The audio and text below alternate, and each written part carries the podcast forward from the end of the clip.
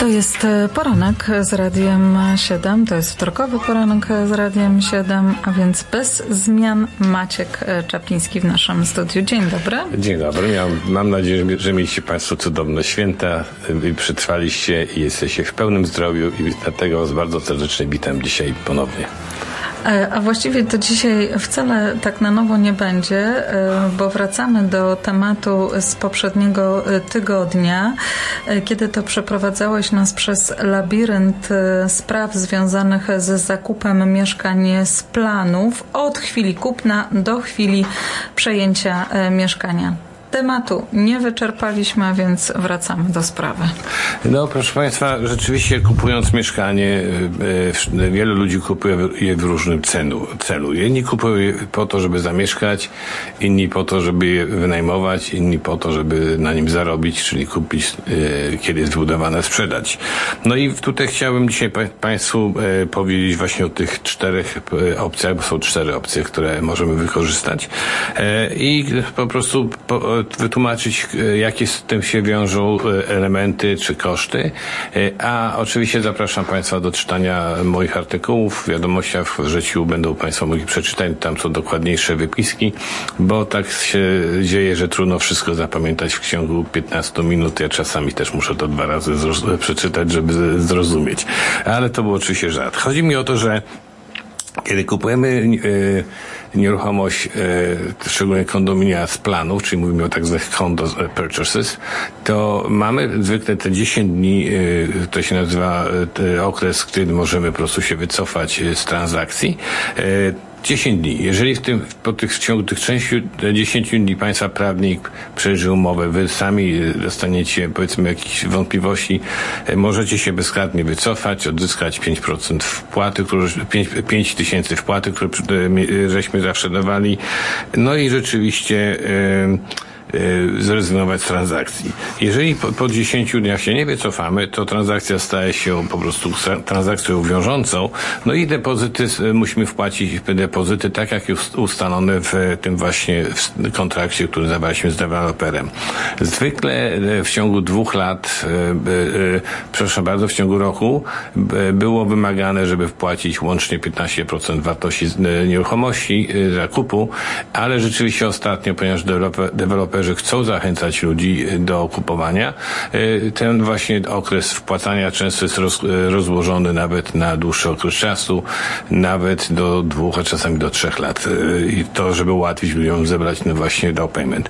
No depozyty są generalnie rzecz biorąc nie wpłacane do dewelopera, są wpłacane do jego prawnika, do prawników, którzy są oczywiście związani przepisami, prawem i, i te pieniądze są trzymane na ich tak zwany, tak zwany trust account, z którego oczywiście tych pieniędzy nie mogą e, ruszać. W związku z tym to jest ta właśnie sytuacja, że builder, mimo że teoretycznie dostał pieniądze, to ich nie dostał i dlatego sam e, na bazie tych wpłat, to jak już jest one zlokalizowane, jest w stanie dostawać pożyczki mortgage od e, banków i z tych pieniędzy są potem budowane właśnie nasze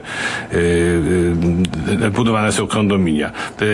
To jest to, że na przykład zdarzały się sytuacje, w których na przykład kontrakt nie doszedł do, znaczy budowa nie doszła do skutku, na przykład po dwóch, trzech latach okazało się, że budowa albo w ogóle nie ruszyła, albo stanęła w połowie budowy i e, po prostu e, deweloper zbankrutował, wówczas e, ci, którzy kupowali, którzy dali depozyty, są w sytuacji bezpiecznej, nie stracili pieniędzy, ale niestety są też stratni, dlatego że w międzyczasie, jak Państwo pamiętacie, nieruchomości poszły drastycznie w górę. I co z tego, że dostaniemy po dwóch latach z powrotem naszą, naszą wpłatę, jak potencjalnie straciliśmy E, e, ogromny profit, który żeśmy zrobili. Tutaj e, zasadniczo to są te rzeczy, o których warto wiedzieć. I teraz jeżeli już mamy, wszystko idzie dobrze, to są cztery sposoby, w jaki y, y, możemy podejść do, y, do tej nowej nieruchomości, którą mamy dostać. Możemy ją albo odsprzedać, albo możemy w niej zamieszkać, możemy ją sprzedać przed w ogóle wybudowaniem i przed przejęciem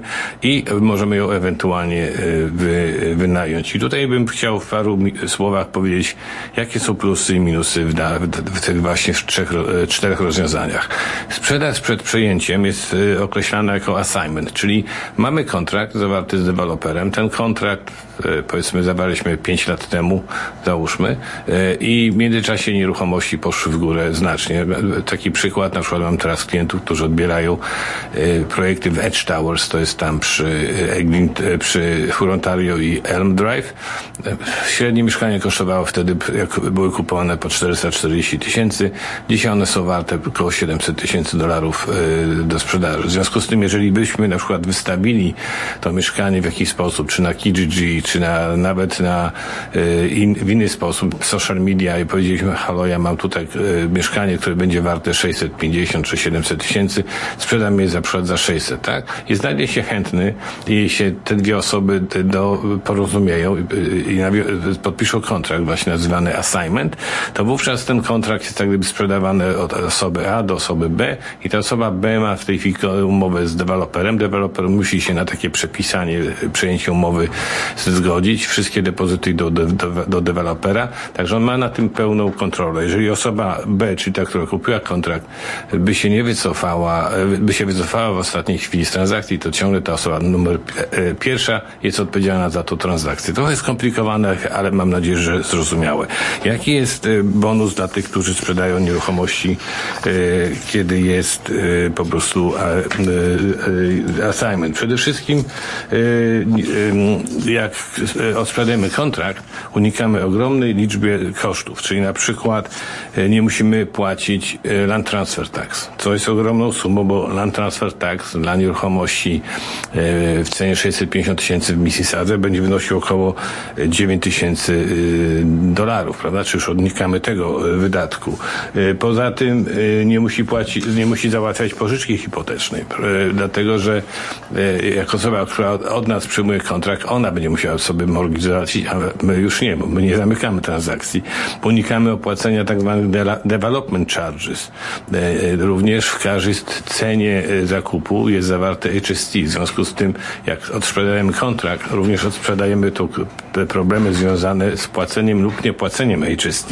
Nie musimy załatwiać prawnika, nie musimy również martwić się właśnie, jak powiedziałem, o pożyczkę hipoteczną, ale niestety, jeżeli po prostu sprzedajemy tak zwany assignment, czyli sprzedajemy papier dla drugiej osoby, to ciągle będziemy odpowiedzialni za tak zwany capital gain i o tych innych trzech sposobach, w jaki sposób możemy się pozbyć mieszkania i jakie to są z tym związane koszty, opowiem po przerwie.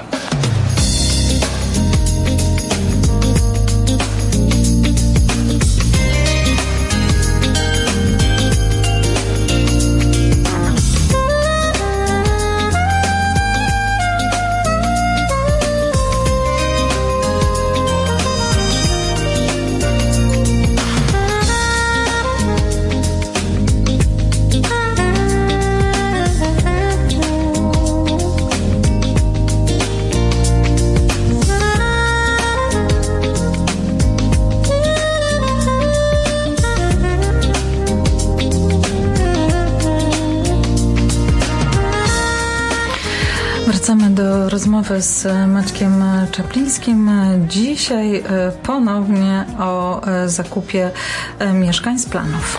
Proszę Państwa, powiedziałem w pierwszej części, jak można się pozbyć mieszkania przed przejęciem w formie assignment i jak zaoszczędzić pieniądze, a trochę zarobić przy okazji.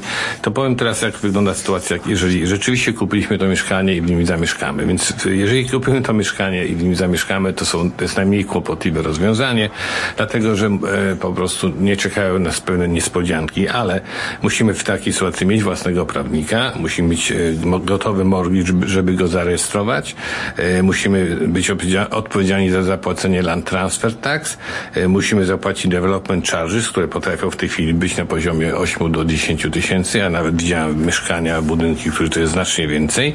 No i przede wszystkim nie musimy się martwić o HST, dlatego że HST było zawarte w cenie i kiedy zadeklarujemy u buildera, że my będziemy w tym mieszkaniu mieszkać, to builder występuje do rządu o, o dostanie kredytu HST, ale my się nie, musi, nie musimy tym martwić. Czyli prosta, czysta sytuacja, jesteśmy szczęśliwymi mieszkańcami.